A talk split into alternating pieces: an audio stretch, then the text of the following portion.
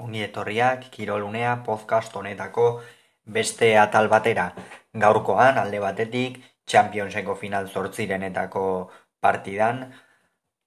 Atletico Madridek eta Manchester Unitedek jokatu duten orgeiagokaren inguruan hitzein dizuegu eta bestalde batetik berriz bihar Europa Ligan Realak eta Leipzigek jokatuko duten partidaren gakoen inguruan hitz egingo dizuegu, beraz besterik gabe has gaitezen gaur jokatu dute Atletico Madridek eta Manchester Unitedek Championseko final zortzirenetako partidaren lehen partida, joaneko partida alegia, Egia esan partida oso bizia izan da, Atletico Madridek behar bada gehiago dominatu dena, eta azkenerako bana geratu dira, alde batetik Joao Felixek seigaren minutuan sartu duen golarekin, eta bestalde batetik Elangak, Manchester Uniteden aldetik, irurogeita emeretzin garen minutuan sartu duen golaren ondorioz. E, estadistikei begiratze besterik ez dago, ikusteko nola Atletico de Madrid askoz gehiago izan den, alde batetik beheratzi aldiz jaurti baitu atera, behin bakarrik barru aldera noski, baina bai, e, bederatzi aldiz bota jaurti du atera eta oso oso nagusi izan da naiz eta emaitza azkenerako ez e, garaipenaren izan koltsoneroentzat. Guazen amaikakoak esatera izan ere txolo simeonek hiru aldaketa egin ditu, alde batetik olak atera du, atepean, hiru erdiko atzelarirekin jokatu du, alde batetik Reinildo, Jimenez eta Sabitxekin. Egia da hemen eskema horrela planteatzen dela, baina esan genezake Reinildo apur bat ezkerrera bota duela eta bersaliko askoz ere e, parte hartzaiago ibili dela atzealdean batez ere. Ondoren berriz, Lodi, Herrera, Kondogbia eta Llorente Lodi gaurkoan Karraskoren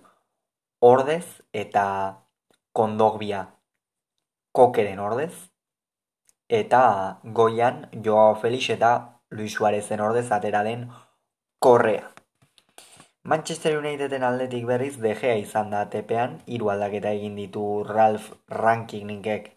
aurreko partidarekin alderatuta, De Gea tepean, Harry Maguire eta Baran atzealdean, Baran gaurkoan Van Bisakaren ordez atera da eta Lindelof pasadu eskubira, Lindelof eskuinetik, Show ezkeretik,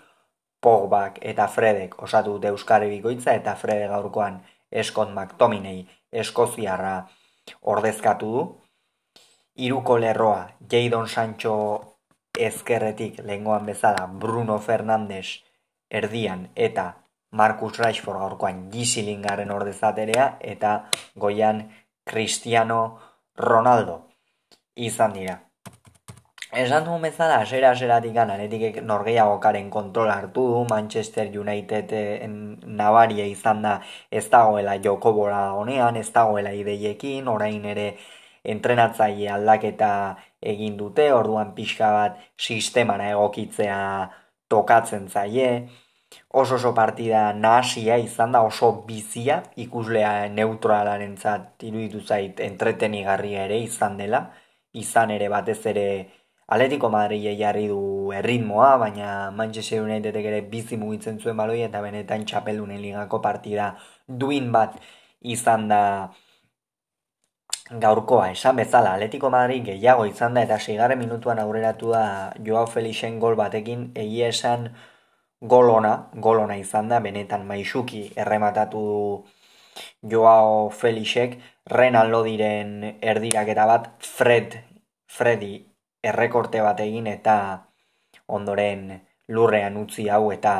egin duen erdiraketaren ondoren Joao Felixen burukada sareetara joan da zutoina jo ondoren. Egia da hor Harry Maguirek ofizio gehiago izango balu. Beste modu batera hartuko lukela Joao Felix defenditzeko autua. Joao Felix oso oso bakarrikan oso oso eroso joan da errematatzera Eta ez da posible jarri Maguirek hogei zentimetro ateratzen dizkionean edo, ba, alakoa katsa egitea. Beraz, gol ona izan da, baina jarri Maguirek ere hor erantzunkizun handia badu. Hala eta guztiz ere merezitako gola izan da, izan ere hortikan aurrera Manchester Unitedek bai baloiaren jabetza eduki du, baina dizira handirik atera gabe, adibidez Jadon Sancho eta Marcus Rashford apenas azaldu dira, Cristiano Ronaldo ere atzean gehiegi kolaboratu behar izan du, eta Bruno Fernandes partida maieran partida hasiera baino hobeto ibili da. Hemen garbi zegoena da Atletico Madrileko atzealdea irmo ibili dela Jadon Sancho eta Rashford defenditzerako garaian ezpaitute apenas aukerarik izan bi hauek eta ondoren berriz Bruno Fernandes ere nahiko mamu ibili da gaurkoan.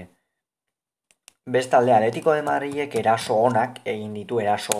oso onak erasoko jokaldi oso onak ondoren ere beste aukera bat izan du langara joan dena, esan ez da aukera garbi-garbiak izan di, garbi-garbi asko izan diren e, norgeiagoka horietako bat, gehiago baloiaren jabetza, jokoa ere askotan gelditu du epaia, baina ia da bere ala jartzen zela berriro ere baloia jokoan, baina alde horretatik bai Manchester Unitedi asko kostatu zaio jokoa sortzea eta jokoan eraginkortasuna izatea, ez eta hori orain Ralph Rangnickek asko hobetu beharko du, asko dauka hobetzeko eta ikusiko dugu nola iristen den itzuliko norgiagokara deabru gorrien taldea. Bestalde ondoren aldaketak Simeonek bi aldaketa besterik ez ditu egin Lemar eta Griezmann atera ditu Lemar lodiren ordez, hor erasora joan behar zuen aukera handiak zituen aletiko Madriek partida aurrera ateratzeko, eta hor Lemar eta Grismanekin horretara etxe joan da. Antoan Grismanek ere izan du aukera oso oso garbi bat hor benetan dena ongi egin du, baina ondoren errematea langara joan zaio, eta hor joan dira aletiko Madrientzako minutuak. Bestalde Manchester Unitedek ez ditu aldaketa askoz gehiago egin, hiru besterik ez, kontutan hartuta bosteko aukera daukatela alde baterik elanga, golegilea atera du, elangaren gola esan alde baterik Reinildoren errua ere, Mozambikearraren errua ere izan dela esan genezake izan ere, Bruno Fernandesek oso ongi ikusi du eta hor, eta horrek salbatu da bat Bruno Fernandesen orgeiagoka pase hori egin izanak ongi ikusi baitu elanga, baina hor reinildok ofizio gehiago izan balu baloi hori ateratzeko beste, beste erabaki bat hartuko zuen eta ez du erabaki ona hartu irristatu egin da azkenerako eta elangak bai maixuki e, definitu du hor oblaki erabat baloia gurutzatuz. Bestalde, eh, Manchester United esan beharra dago nahiko goiz hasi dela aldaketak egiten. Aldaketa irukoitza ere egin du, ban bisaka, atera du, markatu lau aldaketa egin ditu, geuki, bostak egin ditu, markatu, markatu hemen e, arazoitxo bat egon da. Bost aldaketak egin ditu Manchester Unitedek, alde batetik an irurogeita bosgarren minutuan eta irurogeita seigarrenean aldaketa irukoitza, alde batetik an Matic, atera du Paul Pogbaren ordez, beste alde batetik Van Bisaka Lindelofen ordez, Van Bisaka eraso, joko erasokorragoa egiteko, aldiz Matic zelaierdian gehiago egonkortzeko Fredekin batera, eta ondoren Alesteies xauren ordez, honek ere beste freskotasun bat emango zien deabru gorriei esan alternatibak behar zituen rangnikek. Galtzen egoteaz gain etzelako bat ere arriskurikan sortzen ari etzuelako mentalitate erasokor hori eta zerbait, zerbait behar zuen alternatiba bat behar zuen eta azkenerako aurkitu ditu, aurkitu ditu berdinketarako ondoren esan bezala elanga atera du golegilea, irurogeita malaugarren minutuan atera da eta bos minutu zelaian zera matzanean gola egin du elangak, eta azkenik giziringarra atera du larogeita bat garren minutuan Jadon Sanchoren ordez, elanga Rashforden ordez atera du, Jadon Sanchoren ordez berriz Lingar eta hortxe, hortxe amaitu da, bana ondoren Griezmannen aukera garbi hori esan dugu, hortikan aurrera aukera garbi gutxi errespetu handia izan diote elkarri, baina Atletico de Madrid gehiago izan da, eta itzulirako partida benetan erakargarria, geratzen zaigu zirraragarria, ikusiko dugu zer gertatzen den, baina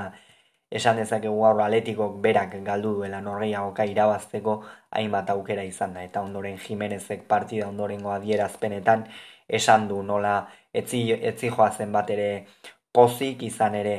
partida osoan zehar dominatu egin dute Manchester United, baina ezin izan dute irabazi eta dena Old Trafforden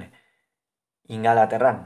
erabakiko da. Hau izan da, Atletico Madrid eta Manchester Unitedek txapelunen ligako final sortzirenetan jokatu duten partidaren inguruan esan beharrekoa. Eta orain guazen, bi realak eta Leipzigek anoetan jokatuko duten partidaren inguruan hitz egitera, izan ere gogoratuko du aurreko norgeiago kanbina egin zutela realak eta Leipzigek. Eta bos gako emango ditu, alde batetik txuri urdinak kolpe gogorra jasota ato esan mamesen, lau eta huts galduta, bestalde lehitzi gordea, ertza berdin xehatzetik gandator, bat eta sei. Ostegunean jokatu zuten, baina asteburuko bi txamponaren bi aldeak ikus ditzak alde batetik reala erabat moralki ondoratuta atera zen San Mamesetik izan ere lau eta huts aurkari zuzen baten aurka galtzea ez da inoiz zure aurkari nagusiaren aurka galtzea ez da inoiz pozgarria edo ahozapore una uzten duen horietakoa izaten. Eta bestalde batetik berriz Leipzig eh, konfiantzaz beteta. Sei gol sartu zizkion erta Berlini bakarra jaso zuen beraz denaek eh, denek Leipzig joko duten oski favorito, ikusita gainera horrez gain realak San Mamesen eman zuen itxura eta hori realak ere probestu dezake zalantzarik gabe. Realaren beste gako garrantzitsu bat Isak eta Janusaien itzulera da. Alexander Isak gogoratuko du orain dela aste batzuk e, mina hartuta geratu zela ondorioz ezin izan ditu norgeiago kaue jokatu eta nan janusaik lehengo astean edo orain bi hartu zuen. Min ezin izan ditu oraingo partidak jokatu, baina bien itzulera oso oso garrantzitsua da realaren zat, batez ere zertarako zuloak bilatzeko ez alde batetik gan isak hor ez da aurrelari punta puntan ibiltzen den, hau da, aurrelari, erdiko aurrelari peto bat, gehiago da, askoz ere gehiago, realari askoz ere gehiago ematen dio, baloia alboan hartzen duenean aurkariei buruko minugari sartzeko habilidadea edo almena duen jokalaria da Alexander Isak eta bestalde batetik handan janusai edo zein momentutan edo zer egin dezakeen jokalari hori oso garrantzitsua realaren ere. Bestalde Mikel Merino ez da izango eta orduan Rafinak jokatuko duzi ura aski hasieratik postua egoki ordezkatzeko gai izango alda, izan ere lengoan San Mamesen aterazenean, justu merino joan zenean hortxe iritsi ziren laugolak eta hor zalantzak sortu ziren Rafinarekin, orain arte realarekin jokatu dituen norgeiago guztietan ongi aritu da Brasildarra, ez du jokora egokitzeko arazorikan izan eta hori garrantzitsua izan da lehen norgeiagokatik bete du bete behartzuenean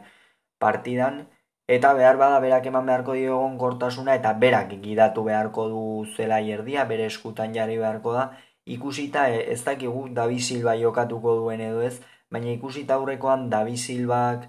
realari eman ziona nahiko larri ikusi genuen geroz eta justuago. Ez dakit bera den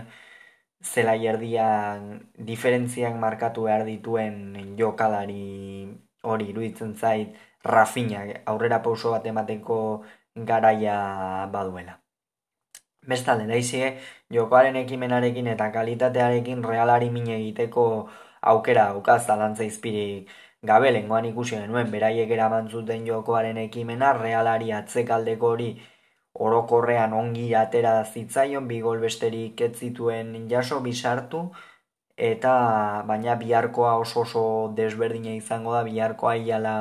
bizikoa da eta Imanolek beste planteamentu bat hartu beharko du. E, izan ere ikusi genuen lengoan enkunku Dani Olmo eta hauek Dani Olmok behar badetzuen bere egunik onena izan baina enkunkuk zer nolako diferentziak markatzeko gaitasuna duen eta horroso kontu zibili behar du realak eta irmo lehen minututik partida maitzen den arte. Eta atzealdean asko betu beharko du lenguan zulo handiak utzi gaitzizkion lehiziek, lehiziek zulo handiak utzi zizkion lenguan realari, gauza diren bezala, reala batzuetan aproitxatu zituen beste batzuetan ez, eta bestalde atzealdean ere etorri zen bigarren golaren o, e, jatorria, hor dago bigarren golaren jatorria, eta hor realak atera dezake zerbait atzealdean leipzigek ezpadu askoz ere gehiago hobetzen. Hau izan da beraz gaur kirolunea podcast honetan esan beharreko guztia, urrengoan gehiago izango duzu, bitartean ongi izan aur.